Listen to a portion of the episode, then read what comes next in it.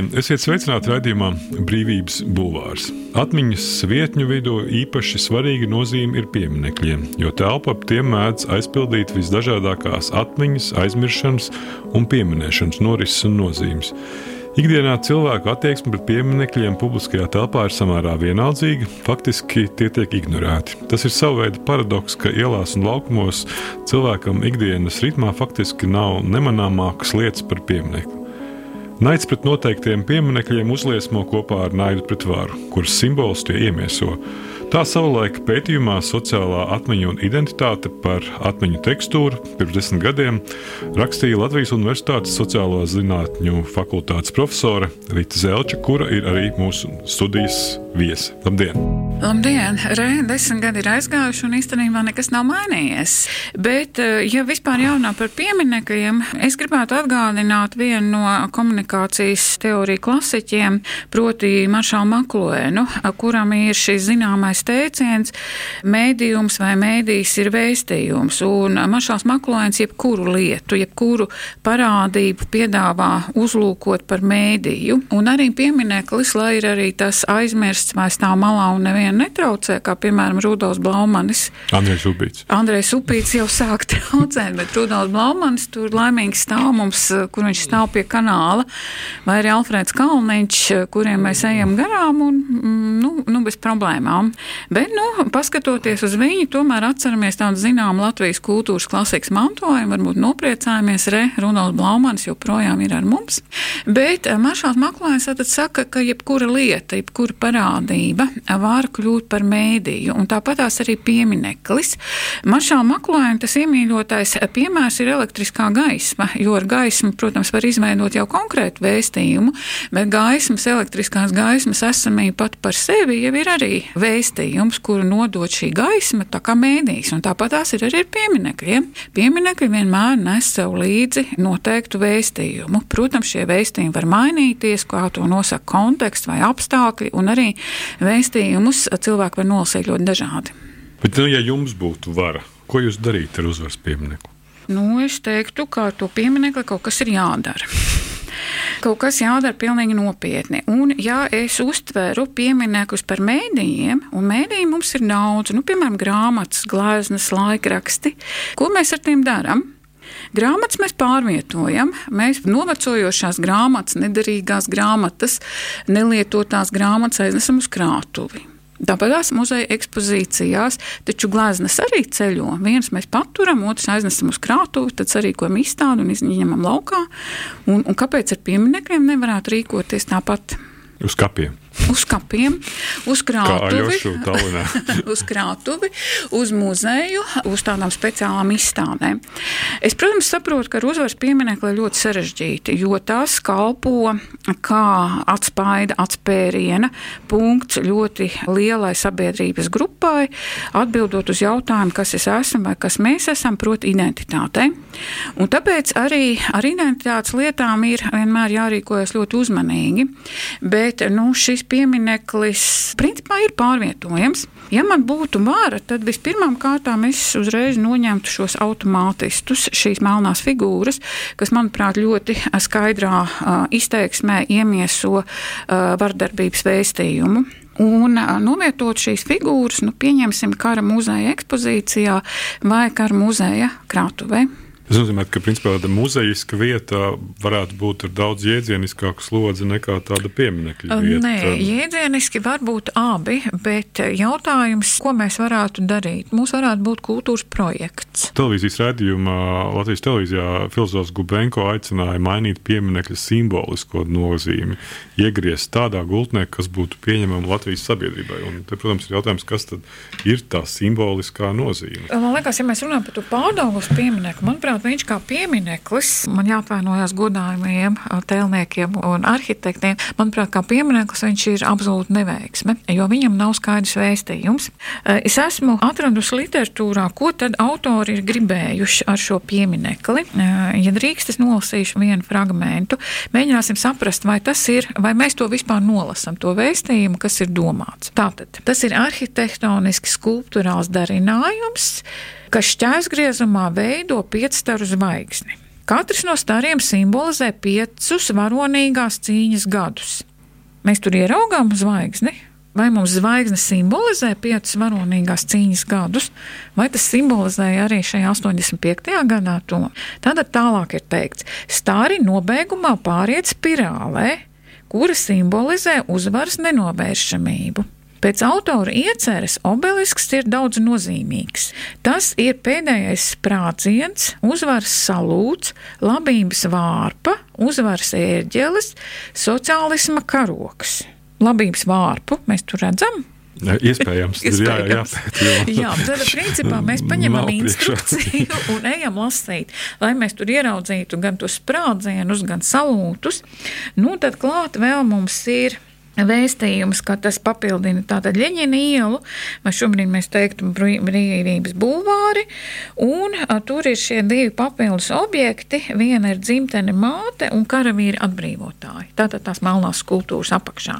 Bet kopumā, izlasot šo un arī atceroties 85. gadu, un arī atceroties tādas mūsu novērojuma ekspedīcijas uz pie šī pieminekļa, pēdējos gados Nu, es nekā tam līdzīgi nenolasu. Es neredzu jēgu tam, kāpēc stāv šie pieci, trīs vai cik tie stabi un, un ko viņi īstenībā nozīmē. Un ko nozīmē šīs piecas zvaigznes.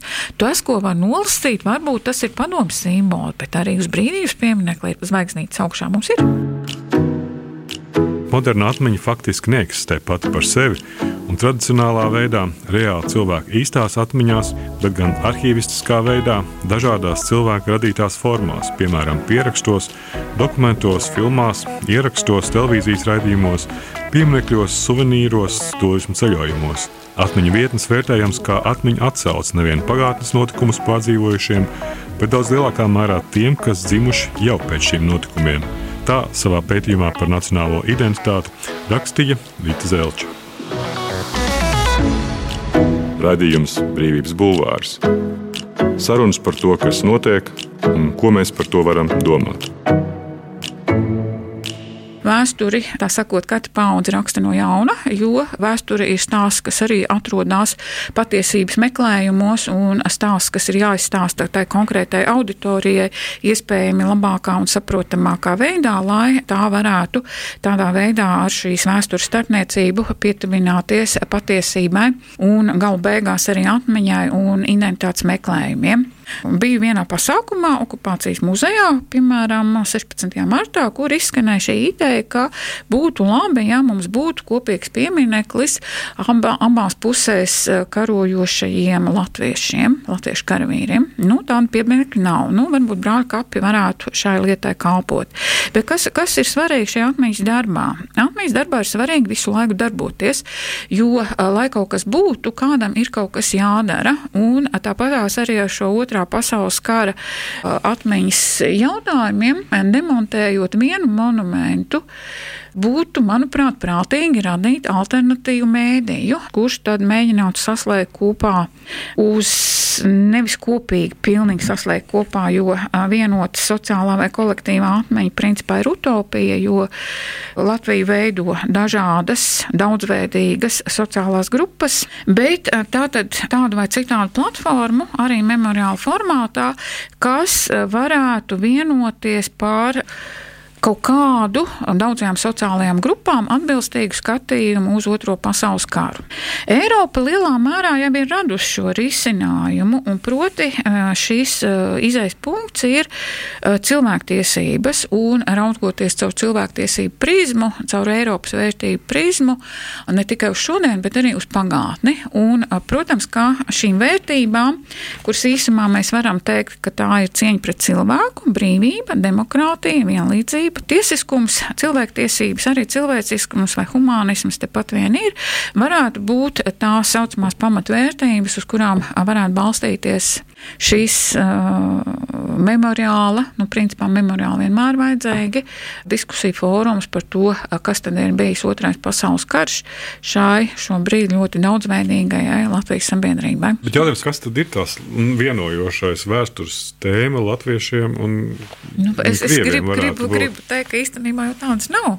Ir uh, vienojoša. Ir divas atšķirīgas izējas pozīcijas. Nē, izējas pozīcija ir tieši šajās Eiropas vērtībās, bet kā lai līdz tam nonāk? Jo tas galvenais, ko saka šīs vērtības un cilvēktiesības, viņi saka elementāru lietu, ka cilvēkam ir tiesības uz dzīvību. Un tā varētu būt izējas pozīcija.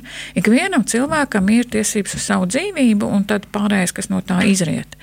Jo, ja mēs paskatāmies uz šo Krievijas ideoloģiju, tad tā nesaka to, ka cilvēkam ir tiesības uz dzīvību. Viņi nepareizi saku. Viņi principā saka to, ka cilvēka dzīvība pieder valstī. Nu, tad ir jautājums, kas varētu būt šis izējas punkts, vai mēs pieņemam to, ka abas sabiedrības daļas varētu varētu cienīt individuālo cilvēku dzīvību. Jo kara izmantošana gan ideoloģijā, gan kultūrā, kas arī beig beigās Krievijā aizvirz uz ideoloģiju, principā noliedz šo cilvēka kā indivīda savas tiesības uz savu dzīvību. Lielā mērā arī Ukrainas karš liek varbūt vēlreiz ieraudzīt gan Eiropu, gan Latviju 40. gados, jo savā veidā viss kaut kādā mērā atkārtojās. Tas, kas notiek ar sabiedrību, ar cilvēkiem, tā tad ir gan karš, gan civiliedzīvotāji gan arī uh, laupīšanas, gan arī izvarošanas un vienkārši nogalināšana tāpatās. Jo principā tā no vienas puses es skatos, tad pēc vēstures tas kā sanāk atgriešanās, tas, kas pie mūsu teritorijā notika 40. gados. Bet jūs pirms laika rakstījāt Dāfos par tiem jaunajiem kariem un vecajiem kariem. kariem. Un tad ir jautājums, vai tas, kas notiek Ukrainā šobrīd, kāda veida definīcijai tas vispār atbilst. Tas, tas ir... vairāk izskatās pēc vecā kara nekā pēc jaunā kara. Tas ir karš ar jaunā kara elementiem. Tā es to teiktu. Tas ir jauns hibrīds. Savā veidā ir šī atgriešanās, bet jaunais tātad, protams, kas princip, ir tas jaunais karš? Principā tā ir šī kibertelpa, protams, un jaunais ir tas, kā mēs šo karu skatāmies ekrānā. Šis karš mums pietuvojās ar to, ka nemitīgi iet ziņu tiešraides, dažādas reportāžas, un mēs savā veidā dzīvojam šajā kara telpā. Tas tradicionālais, konvencionālais karš karš, tas tomēr mēdījus nolika malā, un tā ziņa par to, kas ir noticis kara laukā, viņa nonāca ar tādu zināmu kavēšanos. Varbūt kaut kādā veidā šis Vietnamas karš, jo arī tā Eiropā pretkaru kustība sākās pateicoties tam, kā Vietnamas karu ieraudzīja televīzijas ekrānā. Gan filmētos materiālus, gan arī ļoti izteiksmīgas fotogrāfijas, kad tā saucamais labklājībā dzīvojošais rietumu cilvēks ieraudzīja Vietnamas karu. Kopumā, ja mēs runājam par šīm formām, nu jā, tad principā tas ir, manuprāt, jauns hibrīds hibrīds. Vizualitāte kļūst par tādu kā kara ieroci. Kara elementu, kara sastāvdaļu, Jā. tieši vizualitāte un emocionālie veistējumi. Pazūd šī laika distance, telpas distance saglabājās. Mēs zinām, ka tas nav pie mums, bet tas ir mūsu gadījumā, tas ir tuvu.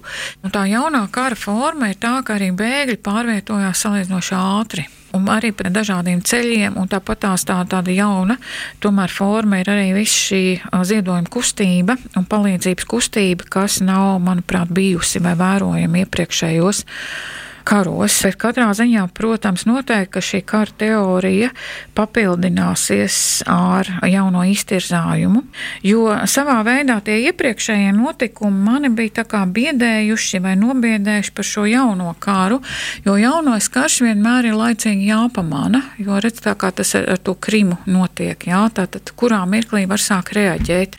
Kas vēl ir no jaunā kara elements, skaidrais elements ir melošana, jo karu kultūra kultūrām ejot uz priekšu, šobrīd par visgodīgāko kāru uzskata Pirmo pasaules kāru, vēl kas bija 20. gadsimta sākumā, kad arī kaut kādā mērā kaut kāds godīgums pastāvēja, bet šobrīd jau ir arī tas, kas jaunajam karam ir raksturīgs, lietas nosaukt citos vārdos, vai arī piedāvāt informatīvajā telpā, mēs teiktu no mūsu skatījuma, varbūt acīm redzamu lietu noliegumus, kas ir, protams, civiliedzīvotāju nogalināšana bučāja. Tā kā Krimā, piemēram, zaļie cilvēciņi stāsta, ka formas tērpa vai ieročus, vai kā tur bija, var nopirkt katrā Krimas veikalā, jā, un, un tam līdzīgi. Jā, tad, principā, arī tātad šīs informatīvās dažne dažādas pārneses.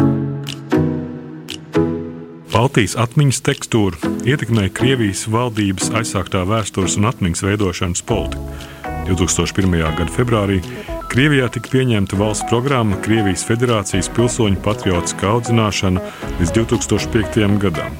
Šai programmai noslēdzoties, sekoja nākamā, kur audzināšanā līdzekļu loma tika piešķirta arī pirmsrevolūcijas un padomju pagātnes lapusēm.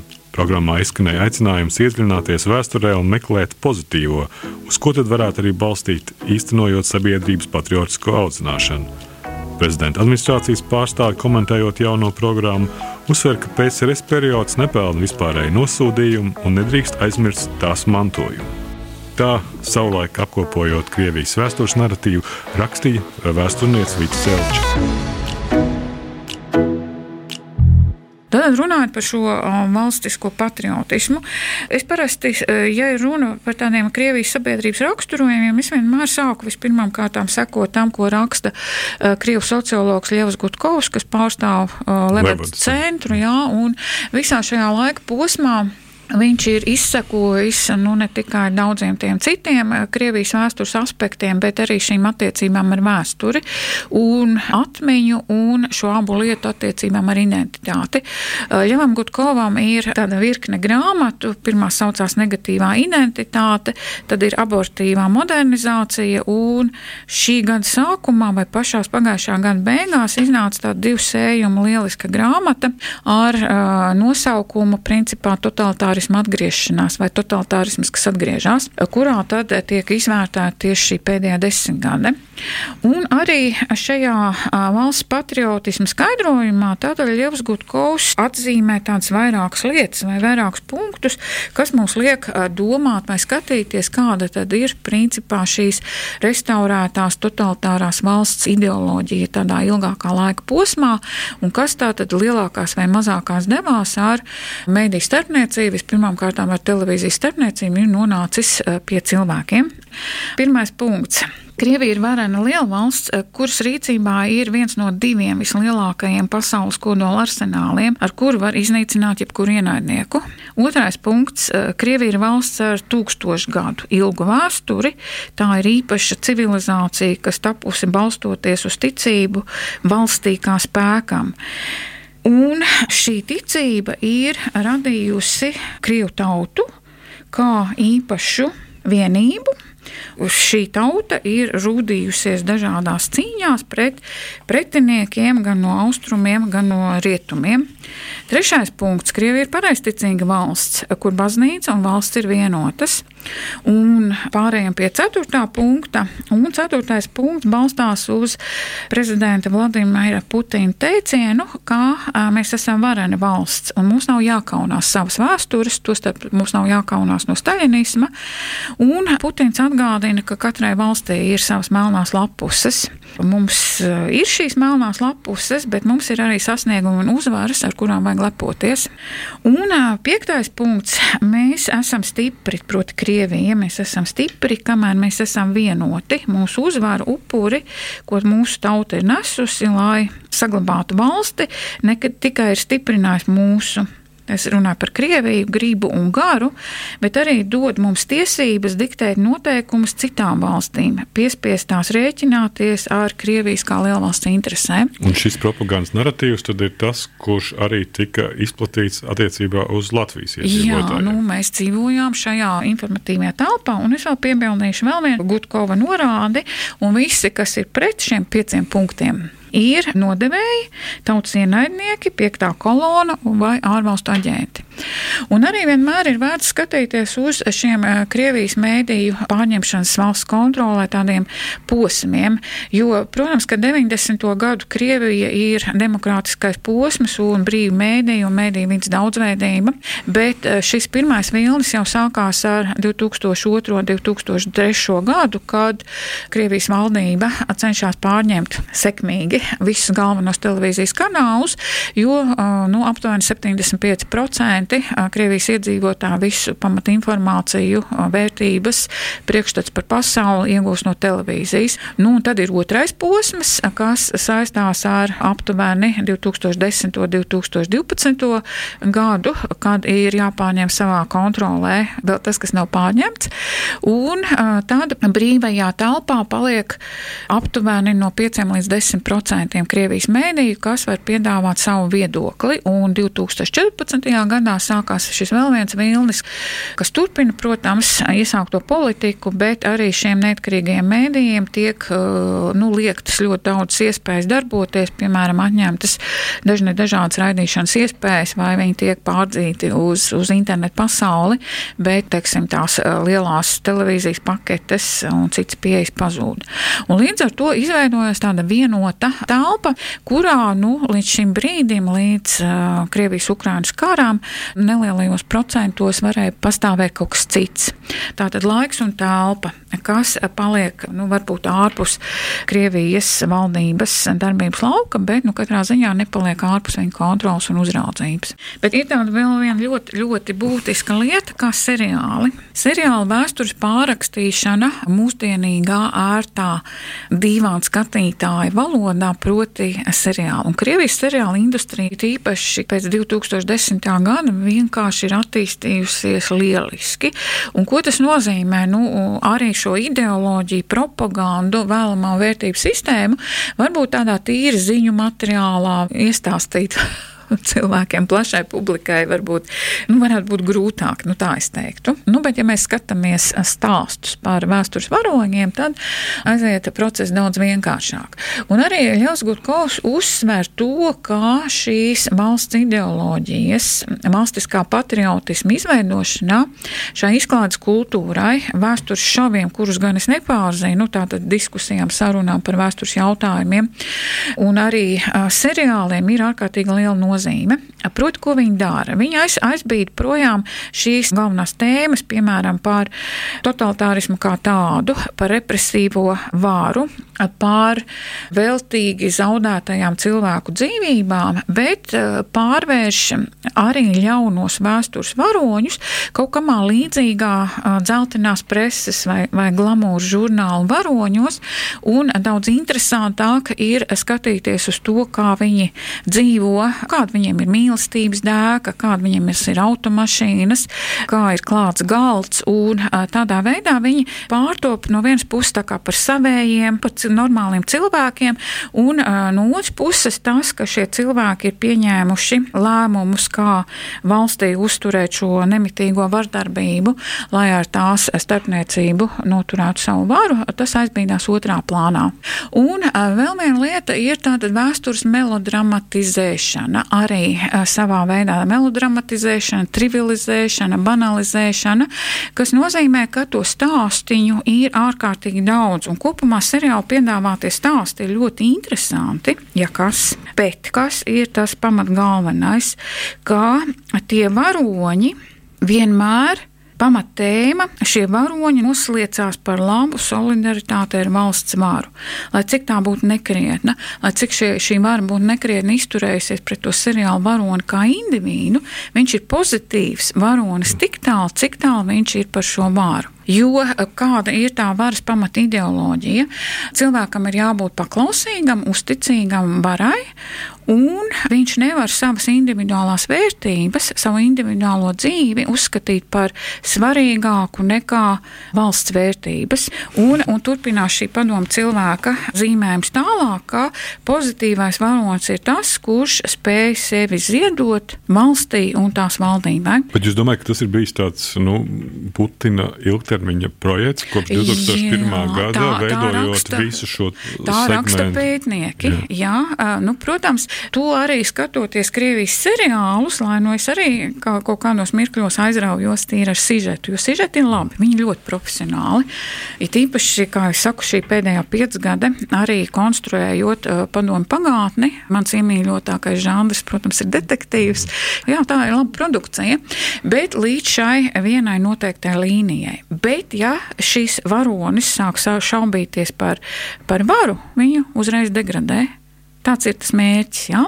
Un līdz ar to cilvēks skatās un skatās un saprot, kā par jebkādu Krieviju, lai cik viņa būtu ļauna, vai viņa būtu par Ļeņinu, gan ir maz Ļeņina periodu, bet par staļinismu, par otro pasaules kāru, kamēr šis cilvēks ziedo sevi valstī Viņš ir pozitīvs. Un šie cilvēki ir ļoti dažādi.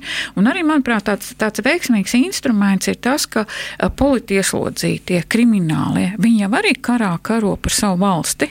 Atgriežoties pie tās terminoloģijas, viena no lietām, kura visbiežāk arī parādījās, un arī Gutkaus par to ir runājis un, un rakstījis, ir ļoti dzīvi tiek izmantots jēdziens fašisms. Viņš tiek izmantots gan, nu, lai būvētu Krievijas vardarbīgo kara politiku Ukrajinā, gan arī rietumos, lai aprakstītu Krievijas realizēto vardarbību Ukrajinā. Tā kā viens un tas pats jēdziens tiek izmantots no abām pusēm. Kāpēc šis jēdziens pēkšņi kļuva tik uh, derīgs? Šis jēdziens fašisms ir bijis derīgs vienmēr. Arī tādā politikas zinātnīs literatūrā vārdu fašisms izmanto kā lielo lietu sargu jēdzienu, lai ar to skaidrotu dažādus antidemokrātiskus, antiliberālus, dažādas vardarbības pakāpes režīmus, sākot jau no tā mirkļa, kad fašisms kļūst par pasaules politikas spēlētāju. Protams, tas saistās ar pirmo šo autoritāro valsti, kas Eiropā izveidojās pēc Pirmā pasaules kara, tātad fašistiskā Itālija, un no šī mirkļa šis jēdziens ir apritē.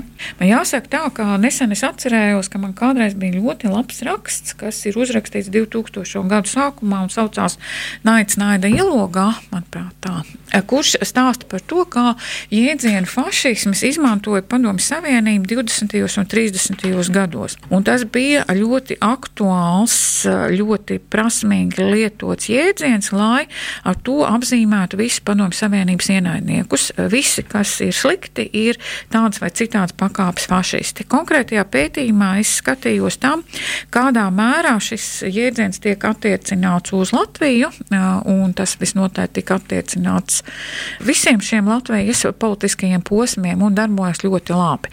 Tātad kopumā šī tradīcija ir ļoti dziļa. Viņa Apmēram tas pats, kas tiek realizēts vērsts attiecībā pret Ukrajinu šobrīd. Jā, un otrais pasaules karš un tobrīd šis jēdzieniskais definējums, ka visi, kas pret mums eh, ir fašisti, neraugoties uz to, ka arī Padomju Savienība pēc tāda klasiska modeļa tā ir arī, nu, kā šie ietilpšajā lietu sarga apz jēdziena apzīmējumā, pēc tādām vai citādām pazīmēm ir klasificējama kā fašistiska valsts. Bet tas vienkārši rāda to, ka ir uh, nu, jēdzienu piešķīrumi un uh, var to dara, ja viņi šo jēdzienu jau ilgstoši un ļoti labi ir propagandā piedāvājusi saviem iedzīvotājiem. Kāpēc to nelietot? Jo kur ir šobrīd arī šī Krievijas problēma? Ir tāds amerikāņu vēsturnieks, žurnālists, politologs Deivids Seters. Viņam pirms laba laika, jau būs vairāk nekā desmit gadi, iznāca grāmata, kurā tika runāts par to, kā Krievija izmanto savu vēsturi, lai nostiprinātu pašreizējo varu. Bet viņa šis arguments bija tāds, ka Krievijas problēma ir tā, ka valsts ne šobrīd, ne arī pagātnē vienkārši neciena cilvēku vienkārši nu, cilvēku kā tādu, ka cilvēks nav vērtība. Un uh, mūsdienu uh, Krieviju varētu mācīt, tas bija viņa priekšlikums pirms daudziem gadiem, iemācīt cienīt cilvēku. Ja tiktu nožēlots tas, ko Krievija izdarīja gan ar saviem, gan ar citiem cilvēkiem savā 20. gadsimta vēsturē. Paldies! Tā bija profesora Latvijas Universitātes Vita Zelča studijā, raidījums Brīvības bulvārs. Mans vārds Gins Grūbe, ierakstīja Toms Šits un Montē Nora Mitspapa. Brīvība ir brīvība. Nevienlīdzība vai taisnīgums, vai kultūra vai cilvēks laime. Tā teica Iesai Berlīns. Sarunas ar brīvas apziņas un ideju cilvēkiem radījumā Brīvības bulvārs.